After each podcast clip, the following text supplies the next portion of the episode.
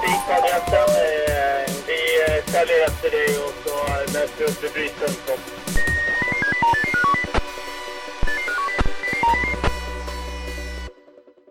Varmt välkommen till det första programmet i en serie här på Tyresradion som vi valt att kalla Blåljus Tyresö. Det ska alltså handla om våra blåljusaktörer utifrån ett Tyresö-perspektiv. Mitt namn är Jerker Pettersson. Låt oss börja hos de röda, hos brandkåren som numera kallas för räddningstjänsten. Jag tog mig till Tyresö brandstation utmed Bollmoravägen för att ta reda på vad som finns bakom portarna, vad som händer före, under och efter ett larm. Häng med!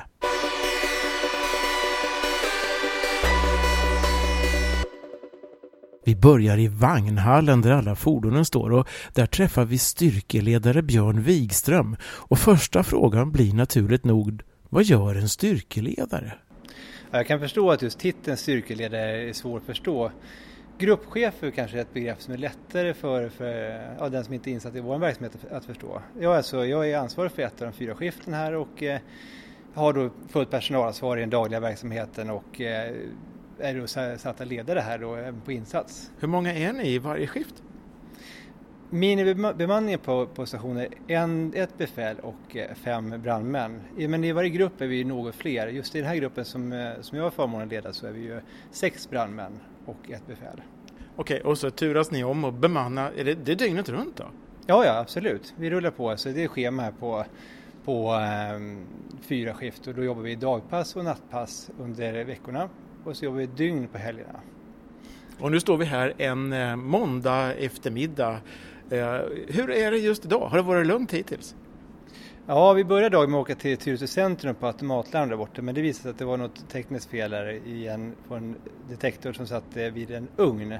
Så det var inte särskilt dramatiskt, vi, är mer av en, en, ja, vi återställde larmet och, och eh, försäkrade oss att det inte var någon brand där borta. Då. Men det var, det var så det började. Sen har det varit lugnt just på larmfronten. Men dagen rullar ju på ändå. Vi har ju massor med, med grejer att eh, stå, uh, stå i. Så vi, vi, uh, just idag har vi ingen tillsyn av brandskydd inbokat men det har, vi däremot nästa vecka så vi förbereder inför det och kollar upp lite grann hur det ser ut och så att vi är väl förberedda när vi väl åker ut. Så ni har fullt att göra ändå även om det inte händer något? Ja absolut, det tycker jag. Det, här på Tyresö får man säga att vi har en, en bra, bra eh, arbetsbelastning för oss. Vi hinner med det vi ska göra utan problem. Vi hinner med att göra det med, med en hög kvalitet och på det sätt som, som vi skulle önska. Sen det, det, det är just att andra ställen kan ju ha en högre belastning av, eh, av mer larm så att säga och, och, mer, mer utbildningsverksamhet och så vidare. Men jag gillar balansen här att vi, vi har att göra men vi hinner med. Och om man då tittar på just Tyresö så är det så, ni jobbar ju liksom ihop har jag förstått, i ett brandförsvarsförbund med flera andra. Vi, hur, många, hur, hur fungerar det där? Ja, Södertörns brandförsvarsförbund är ju ett kommunalförbund med tio medlemskommuner, varav Tyresö är en. Det betyder att vi, vi är en del av en stor organisation, även fast vi har väldigt lokal anknytning här ute på Tyresö brandstation. Så det är, enligt mitt sätt att se det så är det ju väldigt styrka att, eh, att eh, just eh, vara en del av den stora organisationen vad det gäller övningsverksamhet, utbildningsverksamhet, administration, verkstäder, fordon. Ja, egentligen. Så ni kan liksom hjälpa varandra då? Ja, absolut, inte minst personalmässigt så, så hjälps vi åt. Skulle det vara så att jag har någon brandman som är på utbildning idag, någon annan som kanske blir sjukskriven och någon tredje som är föräldraledig så, så det betyder ju att mina brandmän här räcker inte till för att hålla bemanning på en, en, ett befäl fem brandmän. Men däremot kan det visa att i Haninge, grannkommunen, så, så är de fler än vad de måste vara. Då jämnar vi ut bemanningen genom att vi skickar en löpare som vi kallar det. Skickar en person därifrån och hit. Och en löpare, det låter han springer väl inte från Haninge och hit va? Nej visst, det har ju faktiskt hänt, jag måste säga det. Att vid något tillfälle med någon nyanställd brandman som första gången kom i kontakt med det begreppet så satt människan och funderade en stund och frågade det kan ju inte vara möjligt att jag ska springa från Huddinge till Nynäshamn. Nej, det var ju, så var det ju förstås inte, men, men vi kallar det för löpare. Okej, så det kan komma löpare från andra stationer hit och jämna ut så då kan ni sköta det. Och likaså om det nu händer flera olyckor samtidigt. Jag menar, det blir mycket att göra. Ja, eller att det är en större, större olycka så, så klarar vi, som vi har svårt att ja, då hantera på, på sex personer här, då kommer förstärkning i första hand från från grannkommunerna då, att man, man drar då den resursen eller den brandbilen då som är närmast. Och det kan ju vara Farsta även om det är en annan organisation, Storstockholms brandförsvar. Eller Haninge eller Nacka vanligast då. Just det, så Farsta, Nacka och Haninge är de som ligger närmast till om ni, om ni får liksom fullt upp då? Ja, det är det. Eh, nu så fungerar systemet så att man drar den, den, den eh, brandbilen man säger, som, är, eh, som har det, det vi behöver och som befinner sig närmast. Det kan ju vara så att vi har en brandbil som är, åker igenom våran, vårt förbund. En från, om man säger till exempel Haninge som ska till Nacka och att de befinner sig närmare en, en Farstas bil. Då närmast den. Ja, för att den råkar vara rent geografiskt eh, på rätt ställe. Ja, exakt. Den syns på kartan då inne på larmcentralen.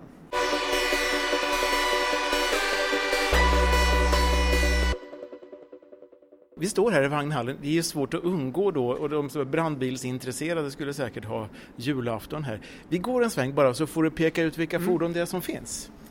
Ja. Och den första vi kommer till, ja, jag skulle säga den första vi kommer till, den platsen där du och jag befinner oss just nu, är ju tom. Och här står ju ambulansen som hyr lokaler till oss. Men de, de har ju betydligt större belastning av larm än vad vi på brand har, så de är ju är ute och rullar nu på, på utryckning. Då. Men den står på den här platsen normalt sett. Och sen kommer vi till en röd bil som heter 236 8410. Ja, det är ju en, det är ju en vanlig traditionell brandbil så som man tänker sig att den ska se ut. Jag tror jag för att de flesta människorna föreställer sig att den ser ut på det här sättet. Det är en vanlig en, en, en lastbil, ett lastbilschassi, en Scania då, som är utrustad med, med istället för flak och så har vi fack på sidorna och en stor pump. Vi har 3000 liter vatten med oss och 400 liter skumvätska. Okej, och det här, den här, eh, är, är, det den man, är det nummer ett man alltid kör ut med då eller? Ja, det är det. Det är här som, eh, som eh, ja, vi har den, den de flesta verktygen och om inte annat så behövs ju manskapet ofta så då är det den här vi åker. Så att det är... För det får plats lite folk i den här? Ja, eh, chauffören sitter förstås då vänster fram och sen sitter jag bredvid på höger, höger framstol, jag som är befäl då. Okej, för ofta när man ser att ni kommer då är det ju ni kommer sällan med bara en bil, det kommer flera. Då är det någon av de andra här borta då, som kommer. Mm. Då går vi vidare till nästa fordon på plats nummer två här. Vad är det för några? Ja, men här ska vi se, det är ju våran stolthet, vårt senaste fordon i vagnparken. Den här, det är ju ingen stegebil utan det är en hävare som vi kallar det. Det är alltså en, en eh, ett höjdfordon. Det, det, vi använder det för att komma upp på, på um, upp till åttonde våningen på, på ett hus kan vi komma med här. Det är en arbetsplattform, arbetsplattform då som vi um, sitter monterade på, på en arm. Ja, till skillnad från C-bilarna så manövrerar man den från ar arbetsplattformen. Man står alltså i den, det man kan se, ja, det ser ut som en korg då. Man står där och kör upp den. Stegbilen satt man ju ofta nere och körde upp mot och så gick man på stegen. Och... Aha, så man står helt enkelt och styr sig själv dit man ska då? Ja, precis. Mm. Är, man har ju större valfrihet. En stegbil är ju ganska statisk, den går rakt upp och åt sidorna. Men, men här kan du vika bommen längst ut så du kan lägga den över nocken på ett hus, hustak, kommer ner på andra sidan. Och lite större, större valmöjligheter där. Nej, men den är ju, jag skulle säga att det är vårt mest avancerade fordon för det, det krävs ju en hel del utbildning för att eh, klara av att manövrera den här och ja. framförallt att man inte kör på saker och ting och hamnar rätt. För när man väl fällt ut stegbenen då tar det en stund att byta placering om man inte når fram dit man ska. Ja, Okej, okay. lite strategiskt. Vi fortsätter till den tredje platsen här. Och det här ser ut som en, en tankbil tänker jag. Ja, det är mycket, det är mycket riktigt. Det är en tankbil med 9000 liter vatten i. Då. Eh, den har en, eh, det är ju en lastväxlare så vi kan ju lägga av tanken från här, alltså ställa tanken, själva tanken här på, på stationen eller ute på brandplatsen och åka och hämta en container eller ett flak eller någon annan, en annan tank och växelköra med. Används ju framförallt då skogsbränder ska jag säga som en vattenresurs där. Men även vid trafikolyckor, det kan ju låta lite konstigt då att man använder vattenenheten då för, på trafikolyckor men det är för skydd. Vi ställer upp den på vägen för att skydda den arbetsplats som, som vi har då i, i samband med trafikolycka. Vi står ju, den är ju utrustad med skyltar och, och belysning här som, så den ska vara svår att missa för bilisterna då. och sen eh, så är det ju tryggt skydd för oss ifall någon skulle köra rakt fram in i olyckan då. Så den har också flera funktioner då? Ja, absolut. Så, och sen tror jag vi har fjärde, om det nu är sista bilen vet jag inte men eh, det är i alla fall fjärde bilen. Det här ser ut som det skulle vara en stege. Ja, men det är en hävare det också. Det är vår gamla hävare, den som, som eh, den nya ersatt. Men den är inte tagen i bruk för det, utan den används som, som eh, reservfordon i hela, hela förbundet. Då. Så går stegbilen eller hävaren sönder i Huddinge eller Södertälje, då, då eh, kan de boka den här så kör vi dit den och så, så använder de den medan deras ordinarie bil är på reparation. Och ska vi se, och så har vi någonting här borta också. Vad är det då? Nu är vi inne på avdelningen vagnhallen med lite mindre fordon och lite mer specialfordon kan man säga. Vi har dels den här vanliga pickupen, en personbilen, pickup, som vi använder för att köra grejer på och eh, som är lite snabbare enhet, till exempel vid vattenlivräddning eller sjukvårdslarm då när vi åker ut. Eh, om, om det skulle vara så att någon person får, får hjärtstillestånd ute, på, ute i samhället så kan vi åka dit och eh, hjälpa till, antingen då innan ambulansen är på plats eller tillsammans med ambulansen. Och det är den här bilen som står. Så står det en bakom som ser ut som en liten brandbil, tänker jag som amatör. Ja, det är faktiskt en liten brandbil. Den köptes in, den och ett antal likadana köptes in för, ja nu skjuter jag från höften, jag skulle säga att det är runt tio år sedan då kanske, när vi började använda lite mindre enheter i kombination med de, med de vanliga brandbilarna. De andra har ju, har ju avvecklats nu och ersatts med nyare, modernare fordon. Men den här är kvar, för den är, den är specialutrustad med utrustning för restvärdesräddning. Restvärdesräddning, det får du nog förklara vad det är. Ja, i samband med brand så, så uppstår ju gärna rök och vattenskador. Och då är det så att vi från Räddningstjänsten har ett avtal med eh, Brandskyddsföreningen om att eh, bistå med upp till 16 timmars eh, eh restvärdesräddning, alltså skapa torr och rökfri miljö. Och det beror på att det, det, ehm, de åtgärder man gör tidigt efter brand innan eh, saneringsföretag och sånt har hunnit dit och börjat påbörja sitt arbete, lite mer långsiktigt arbete. Om vi kan suga upp vatten och vädra ut röken så, så kan man spara stora belopp på det. Så det här är, sån, det är en pen, penningasparare? Ja, det är en win-win situation både för oss ska jag säga, för, från räddningstjänsten och för, för försäkringsbolagen då, som, som eh, betalar för det här.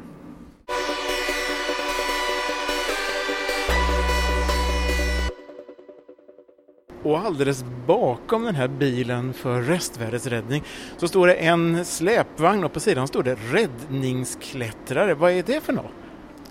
Det är vår eh, specialresurs här i, i Tyresö som eh, täcker upp i hela Stockholmsregionen. Vi, alltså, vi har speciell kompetens som räddningsklättrare. Det betyder eh, att vår personal här kan hjälpa till. Det kan till exempel vara en klättrare som som, som hamnat i någon, någon eh, nödsituation. Eller som det var i våras att vi eh, var på, på Södermalm på en byggarbetsplats med en person som ramlat från marknivå ner i ett schakt på sju meter. Så behövde vi, de behövde hjälp att få, få upp den här personen. Den mest spektakulära larm som jag har varit på med den här enheten, eller med den här resursen, det är faktiskt på Globen. Um, nu var jag inte själv på plats, men jag, jag jobbade det pass. Men manskapet var i alla fall på, på Globen och hjälpte en person som hade klättrat upp där. Som, um, ja, det var väl inte riktigt... Som har klättrat upp på Globen, säger du det? Ja men precis, på den här, vad heter den där banan som sitter utanpå Globen? Ja, där man kan åka upp eh, med en korg och titta på utsikten. Precis, och det var väl det som den här personen funderade på att göra men utan att åka korgen så att säga och han var kvar där uppe och då hjälpte vårt manskap den här människan ner därifrån på ett tryggt och säkert sätt. Ja, det låter som ett spektakulärt uppdrag. Men du sa det att ni, kan, ni hjälper hela Stockholmsregionen. Det innebär att ni kan ju få åka långt då? Ja, Tyresö branschjour ligger bra till på det sättet att eh, skulle, vi, skulle vi behövas med den här resursen uppe på norra sidan stan och vi blir borta några timmar så, eh, så ligger Nacka brandstation, Haninge brandstation ligger nära. Så att det blir en beredskap som faktiskt är helt tillfredsställande i alla fall. Ja, likväl som att om, om, vi, om det behövs en förstärkning från en annan insats i regionen så åker vi ofta på det här från Tyresö. Ja, för då kan de andra närliggande hjälpa till helt enkelt. Precis, det är ett taktiskt bra val att just välja Tyresö. Det är väl därför man också valt att lägga en sån resurs här som, som faktiskt kan bli dragen på ett avstånd och kan bli ganska långa insatser med för den delen. Och det innebär att även om ni då jobbar hjälper varann inom Brandförsvarsförbundet, de här tio stationerna som du nämnde, så hjälper ni också övriga Stockholm. Det är ett samarbete som är ja, regionalt helt enkelt. Ja, absolut, och det blir bättre och bättre. Det, gränserna är ju, alltså det är ju olika organisationer, så långt är det ju är vi fortfarande lika skarpa som tidigare men däremot i det operativa arbetet så hjälper andra utan att tänka särskilt mycket på gränserna. Det är ta och ge mellan organisationerna hela tiden. Samarbete är grejen. Samarbete är grejen. Jag slås av hur stora utrymmen som finns inuti brandstationen. Det är luftigt och rymligt och lugnt. Väldigt lugnt och tryggt. Styrkeledare Björn och jag, vi fortsätter in i ett nytt rum. Och nu har vi tagit oss in i ett alldeles speciellt rum här med ett antal stolar. Det finns en whiteboard och en projektor. Vad är det här för rum, Björn? I det här rummet så börjar vi alla våra arbetspass. Då samlas vi här, vi som är pågående personal de som har jobbat, de har, de, ja, vi möts ju eh, uppe i, uppe i köket kan man säga. Men när man går på passet halv åtta på morgonen eller halv sex på kvällen, då samlas vi här nere i det här rummet. Eh, för en genomgång vad som, eh, om det är några lösa trådar kvar från föregående pass eller någonting som de lämnat över eller som spelar roll för oss och vad vi behöver tänka på, vad vi ska göra, vad vi har för planering. Så, så då lägger vi ungefär, jag skulle säga att det brukar ta en halvtimme ungefär i det här rummet då. Det blir någon slags schema för vad passet ska innehålla. Ja, vi planerar ju vår verksamhet naturligtvis. Vi har ju en grov plan för det här ska, vi, det här ska ske den kommande tiden. Men det skulle jag säga är en av de stora utmaningarna i, i vår verksamhet. Att den rullar på. Verksamheten rullar på 24-7 dygnet runt hela tiden.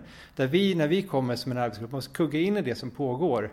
Och fånga upp det och göra någonting av det för att sedan lämna vidare till nästa som, som kliver på när vi i vårt tur ska gå hem. Ja just det, för olyckor vet inga tidsgränser. Nej, så är det förvisso. Och där, är ju, där handlar det mycket om att lämna över. Är det någon utrustning trasig eller någonting som, är, som behöver fixas med? Ska vi beställa mer utav någonting som har tagit slut? Och det använder vi vårt internet till förstås. Så det kör vi upp på, på med projektorn här på, på tavlan och eh, går igenom det. Men sen är det ju all annan verksamhet som, eh, som dyker upp. Eh, det kan vara eh, som idag ringde en förskola här och ville undrar om vi kunde ta emot dem som, som på ett besök. Och jag hittar en tid som passar dem i första hand och som vi i vår kalender kan få in. Det betyder ju inte att det, att det är vi, att det är jag som jobbar den dagen. Så det kan ju vara lika väl ett annat skift som bokar in någonting när vi ska jobba och då måste jag ha koll på det tillsammans med min grupp. Att idag så den här grejen har vi inte planerat för, men den ska vi få in i kalendern också. Så det här blir ju då, tänker jag lite grann, det här blir ett samarbetsrum. Ja, precis. Så här, det är därför som det är ett antal whiteboardtavlor och någon projektor och lite sådär, så att vi ska kunna på bästa möjliga sätt sprida informationen och eh, mellan, mellan skiften helt enkelt. Och samtidigt som ni planerar och samarbetar och gör saker så är det det att när som helst så kan larmet gå. Ja, så det gäller ju när man kliver på sitt pass att man är förberedd för det. För det kan ju gå larmet en minut efter du börjar jobba, då, då åker vi på det. Och då gäller det att man har ätit ordentligt och man har eh, fyllt på med, med, med, det man behöver göra. Så att säga. Så man, är, man är beredd. Batteriet är nytt i radioapparaten och så vidare. Så man är liksom, det finns inte tid att hålla på och att då ta tag i någonting. Utan från det man kliver på så, så är det, då, då kan klockan ringa när som helst. Alltid beredd. Alltid beredd, det är viktigt.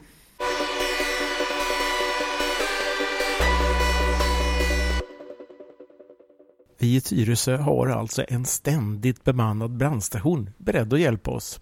Frågan är nu vad som händer när det vi inte vill ska hända verkligen händer. En olycka inträffar. Tillbaka till vagnhallen.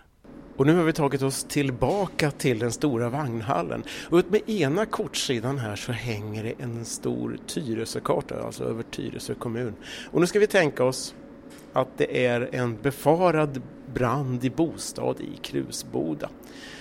Och någon där ser det, upptäcker det och tar fram sin telefon. Vad är det den personen ska tänka på i det läget först och främst? Det första man bör tänka på om man uppmärksammar att det brinner eller att det är risk för brand eller för den att det är något som inte är helt normalt så som det brukar vara. Det kan vara att det luktar lite bränt eller man ser någon rökstrimma någonstans. Det är inte som det brukar vara helt enkelt. Eller att det då är en bekräftad brand så att säga. Det är att tänka rädda, larma, släck. Att uppmärksamma de andra som befinner sig i fara av den här branden, andra människor i byggnader och så vidare. Så att de uppmärksammar det här och går ut. Och sen är, så ska man då larma och det gör man genom att ringa 112. Och därefter försöka släcka om det eller stänga en dörr så att branden liksom begränsas lite grann inom den brandställen eller det rummet. Då. Och när man då eh, slår de här magiska siffrorna 112, var är det man hamnar då i första skedet? Den som svarar är larmoperatör på SOS och de eh, befinner sig inne i innerstan på Malmskillnadsgatan om sin central. Där hamnar man och eh, första frågan är vad är det som har hänt och var, var befinner du dig? Så det bör man ju försöka vara så sinnesnärvarande att man kan besvara de frågorna så, så precis som möjligt. Vad är det som har hänt och var befinner du dig? Och då de får klart för sig och jag berättar att jag, jag tycker det ser ut som att det brinner i bostaden här, vad, vad gör de då? Medan operatören ställer de här frågorna så, får, så händer saker i bakgrunden som du som inringare inte märker så mycket av. Det kan ju, jag kan tänka mig att det kan bli en viss frustration att man får massa frågor och man kan nog lätt tänka sig att den som ringer ställer sig frågan varför larmar man inte brandstationen? Ge mig en brandbil fortast möjligt. Men det händer massa saker i bakgrunden som så fort det är bekräftat vilket område det är, i det här fallet då Tyresö, och att det är brand det handlar om, då kopplas det här samtalet vidare. Då får man en medlyssning från vår larmcentral som befinner sig borta vid Kungens Kurva i Lindvreten. Eh, våran larmcentral som, som bara larmar ut brandbilarna i Södertörn så att säga. Så medan jag står där och pratar då så är det egentligen två personer som lyssnar på mig. Dels den på SOS och dels den på er central i Lindvreten. Just det, den du pratar med som, svarar, som ställer frågorna som du svarar till och en som lyssnar i bakgrunden som också kan flika in med frågor om man har till exempel något speciellt eh, man funderar på. De som, som lyssnar har ju en bättre lokalkännedom ofta så att de kan flika in med frågor som du inte hör som inringare men som den operatören du pratar med ställer. Och vad gör de sen då när det, det står klart att ja, banne mig här, här är det något på gång? Ja, så fort vi har en indikation, så fort vi vet vilket område det är så larmas vi den brandstationen. Det kan vara så att det till och med går ett förlarm här, alltså en signal som uppmärksammar oss på att nu kommer larmet gå inom kort eller någonting har hänt i vårt område, Någon, nu ska vi ut och åka. Ja, det kallar vi för förlarm och då springer alla hit till eh, vagnhallen, börjar byta om, gör sig i ordning och därefter kommer informationen mer detaljerad, vad är det som har hänt och var är det någonstans. Och, och då eh, kommer vi iväg då på ja, mindre än 90 sekunder om man har tur. Då mindre än 90 sekunder från det att det börjar tuta här då till att ni rullar ut alltså? Ja, det får i alla fall inte ta mer än 90 sekunder. Men man måste också ta minnet att det, det är ju trafiken, även om vi har blåljus och, och sirener så går det inte särskilt mycket fortare. Det är trots allt lastbilar vi pratar om som ska fram så att det, och vi får ju inte utsätta andra trafikanter på, på, för fara. I en sån här tänkt eh, befarad brand i bostad i Krusboda, hur, hur många bilar åker ni iväg med här? Och Härifrån så åker vi med en brandbil, det är ett befäl och fyra brandmän. Det är den klassiska brandbilen med pump och, och 3000 liter vatten på så slangar och strålar. Och eh, antingen då en tankbil eller ett höjdfordon, vår hävare som vi pratade om tidigare. Det är de. Sen får vi naturligtvis förstärkning från grannkommuner om det. Skulle det handla om, om eh, brand så med garanti så får vi förstärkning från Haninge eller Nacka då. Så de blir också larmade egentligen nästan samtidigt eller? Ja, alltså nu sa jag visserligen Haninge eller Nacka men det är det brandförsvar som kan skickas som ligger närmast. Den brandstation som ligger närmast som har resurser att förstärka med skickar. Det kan ju också vara Farsta då, även om det är en annan organisation så kan det vara Farsta eller någon annan station som kommer. Och när det handlar om brand i bostad så kan jag tänka mig att då åker ambulansen med också då direkt? Ja, både polis och ambulans dras eller blir larmade samtidigt då, så att de kommer också i och vi ligger på samma, samma radiokanal på väg fram och samverkar över den och pratar ihop oss så att den som kommer först fram lämnar en rapport och tar om vad man ser genom, genom vindrutan i princip. Och har vi tur så är då den ambulans som är stationerad här i Tyresö som för tillfället är ute och åker, är den eh, ledig och kan åka med er då? Ja, det är den eller någon annan. Det är klart att det, det är bra för oss som vi känner igen varandra. Är det vår ambulans så känner vi varandra. Då har man koll på och lättare att samarbeta naturligtvis. Men det funkar bra oavsett vilken ambulans som kommer. Ja, och eh, vad det gäller ambulansen kan vi säga det att den drivs alltså av Falk men hyr plats här hos er. Ja, och det är vi jätteglada för, för det är som sagt just det här med samverkan och samarbete, lära känna varandra här, kunna ställa alla frågor, prata med varandra. Det, det, det är ett jättebra sätt för oss att uh, utvecklas och bli bättre. Samarbete alltså? Samarbete alltså.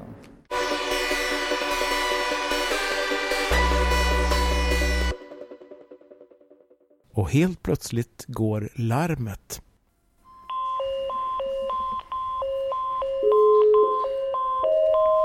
God eftermiddag Tyresö.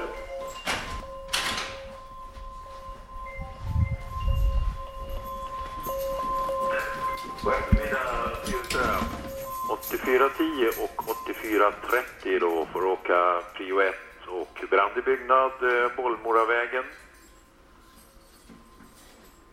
Eh, 8410 8430, prio 1 och brand i byggnad Bollmoravägen. Och vi åker på raps 73. 73. Bollmoravägen, brand i byggnad.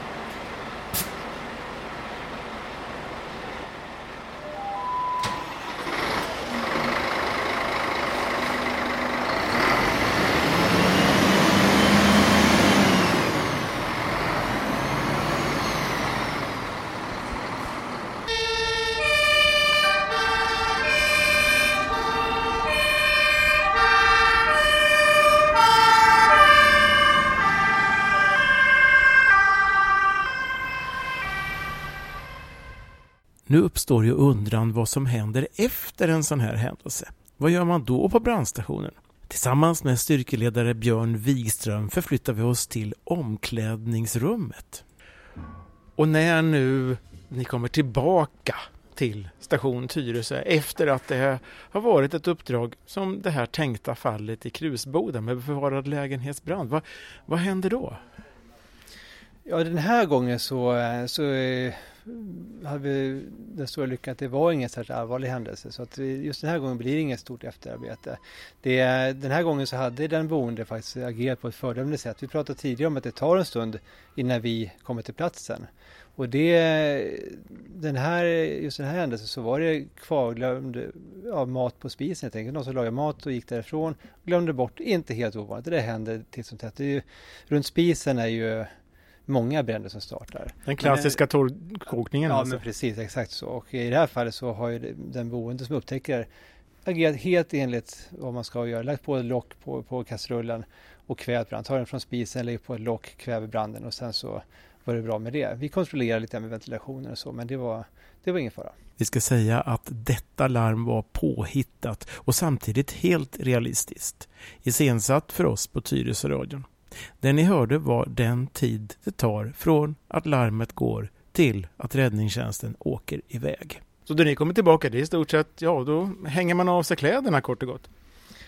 Ja, där så kan jag berätta om en, en ganska stor förändring som har skett de sista åren, vilket verkligen var på tiden. Som du ser här nu, vi står i det rummet med våra larmkläder. Och jag vet inte vad din uppfattning är, men jag, säger, jag tycker att våra kläder ser ganska rena fina ut, eller vad säger du? Ja, absolut. Va? Det, annars skulle man kunna tänka sig att det var eh, lite lätt brända eller sotiga kläder, men ingenting av det.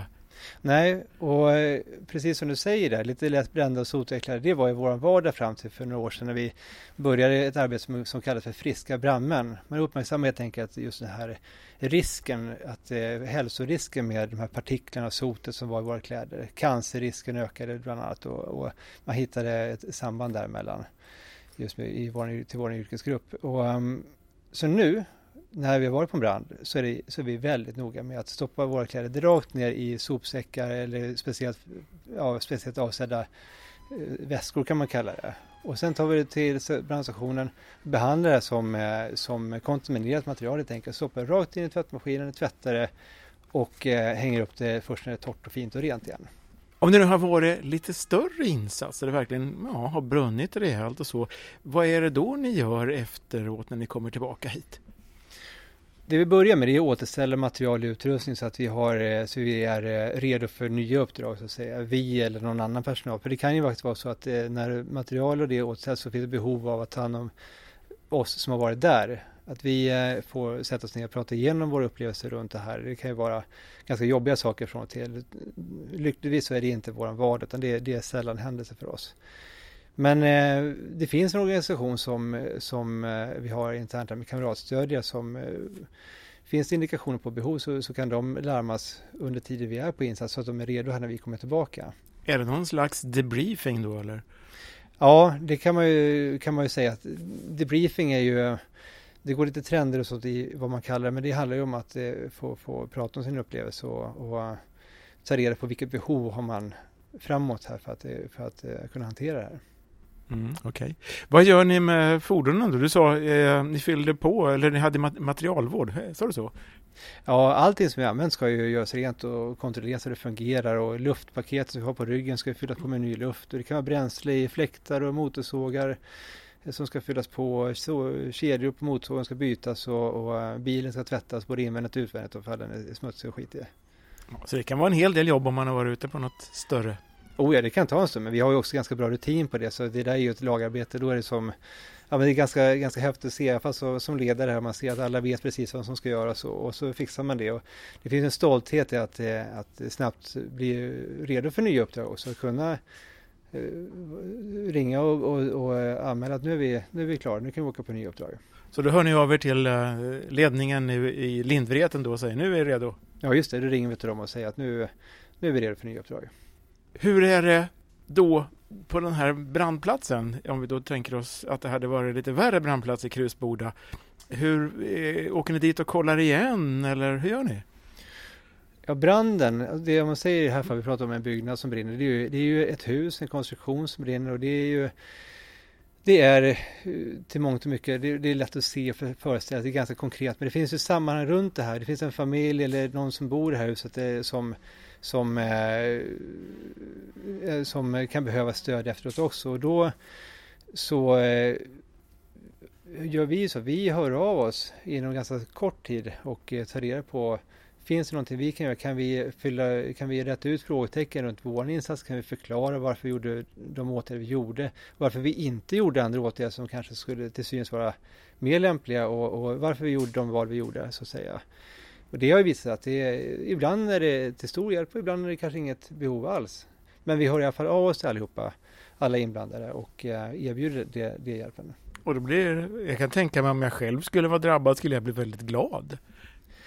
Ja, jag skulle säga att många blir faktiskt förvånade och kanske inte räknar med det, med det, med det samtalet, men, men glada, glada och förvånade. Jag kan tänka mig att uh, varje brand eller olycka så här är unik i någon form. Ingen är den andra lik lite grann. Hur, hur, 17, hur kan ni ta vara på lärdomar från olika händelser? Ja, det är precis som du säger, just att det, varje händelse har ju sina unika omständigheter. Vi tränar ju för scenarion där vi ser framför oss att ett hus som brinner till exempel och rutiner för hur vi ska starta upp det här, hur vi ska jobba med det här. Men eh, det vi inte kan öva på, som bara verkligheten kan ge oss, är just den här eh, återkopplingen på upplevelsen av hur vi arbetar på, på skadeplats. Så det kan ju bara den drabbade ge oss. Så därför det här samtalet som du gör med den som är drabbad av, av branden i det här fallet, det, det har ju ett, ett ytterligare ett syfte, det är att vi ska lära oss. Få en återkoppling, hur, hur uppfattas vi när vi kommer till platsen? Eh, kan vi göra någonting för att bli bättre på Eh, vårt bemötande? Kan vi förmedla eh, information på ett bättre sätt? Kan vi göra någonting för att göra den här upplevde, upplevelsen av den här, den här krisen i många fall lindrigare?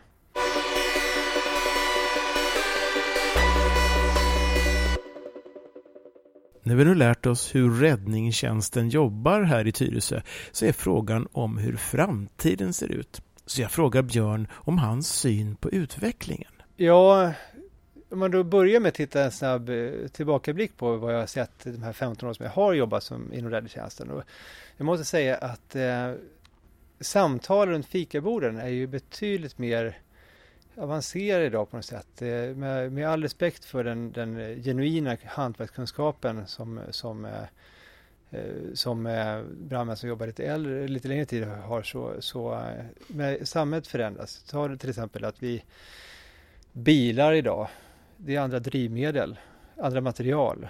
Det är byggnadsmaterial, man konstruerar hus med andra material och, och det ställer högre krav. Vi, vi är också färre brandmän i tjänsten mot vad vi var då, vilket ställer större krav på den enskilda brandmannen. Vi jobbar förebyggande på ett helt annat sätt idag, vilket gör att eh, brandmännen idag, det här är min upplevelse då, att vi, vi har ju kunskap generellt på en helt annan nivå när det gäller brandsäkerhetsgränser och, och eh, byggnadsklasser och byggregler, BBR och, och, och byggprocessen.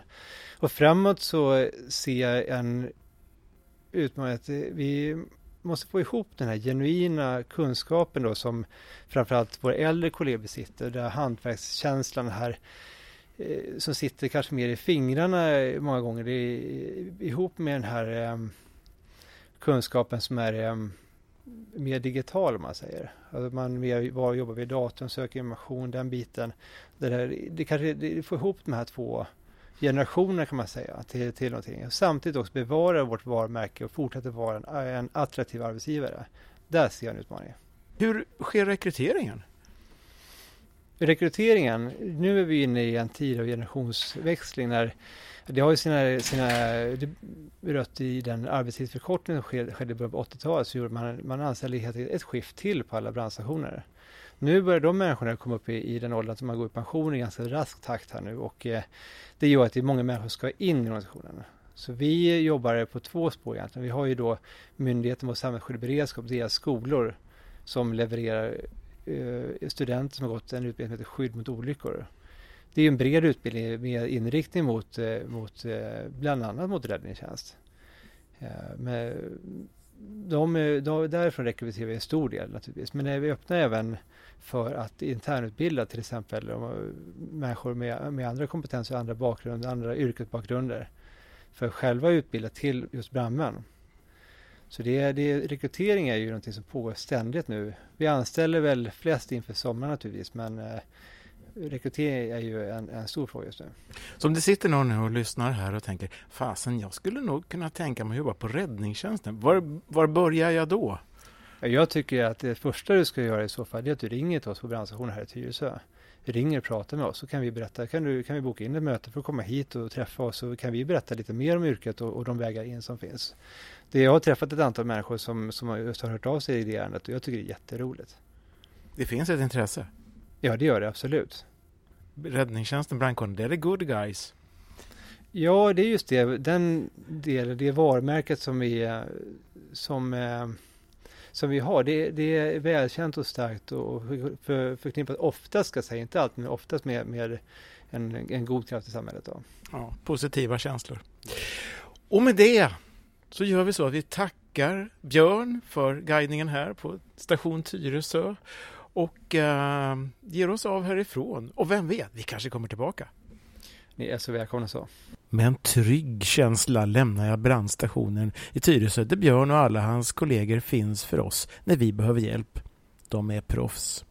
Jag förstår också att vi alla kan bidra mycket i räddningsarbetet genom att göra rätt sak innan vi ringer 112.